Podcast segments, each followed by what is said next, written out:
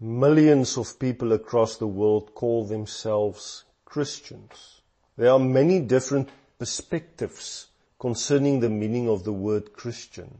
We find there are people who truly love Jesus, and then you find people who identify culturally and traditionally with churches and congregations. One can easily miss the point about what it is really all about. When you enter the depths of complexity of all the different Christian beliefs, the doctrines, the religious rituals, and call to morality, etc.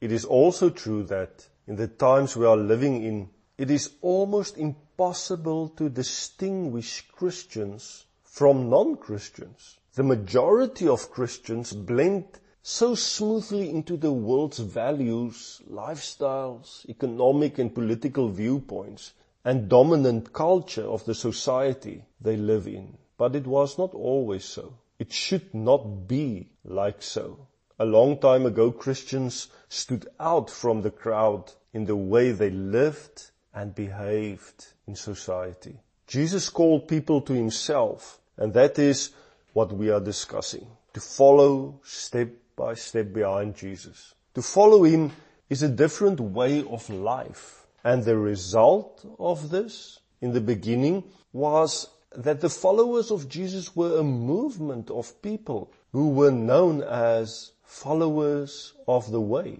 Many people believe in Jesus. Many love him and worship him.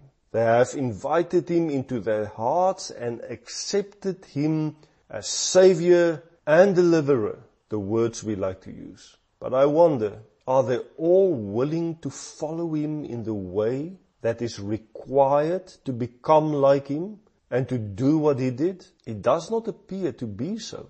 It seems to me as if many people believe in Jesus, but actually they only believe things about Jesus. For example, that he is God, that he died for our sins on the cross and was raised, that he will come again to judge, that he will one day come to establish his kingdom here on earth. But you know, such beliefs about Jesus, things we have heard since childhood, do not necessarily convince people to take the teachings of Jesus seriously and to live accordingly. One can understand and believe that Jesus is the Son of God and still at the same time live a self-centered life, ignoring the cries of the poor, even hating other people from other cultures and racial backgrounds, etc. To many people, their faith in the Lord, their love for Him and worship of Him these are regarded as personal and often very emotional. Even exercising their congregational worship in a Sunday morning church service and their experience there are to many people a very private matter. But the gospel teaches us something different.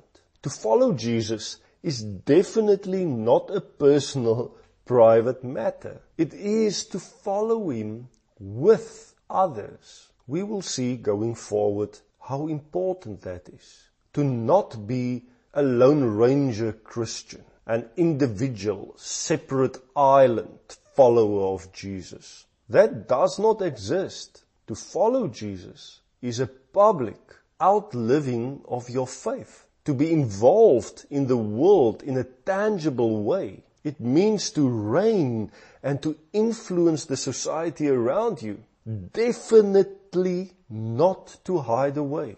For some Christians, it is an embarrassment to discuss their faith with others. Others, however, are more willing to declare their faith and to proclaim it. Some Christians wear crosses around their necks as jewelry to show their faith and dedication to Jesus Christ. But remember, to proclaim Jesus as Lord in public may not mean you are following Jesus. Do you recall what Jesus said once? Why do you call me Lord, Lord, and you do not do what I say? Luke 6 verse 46.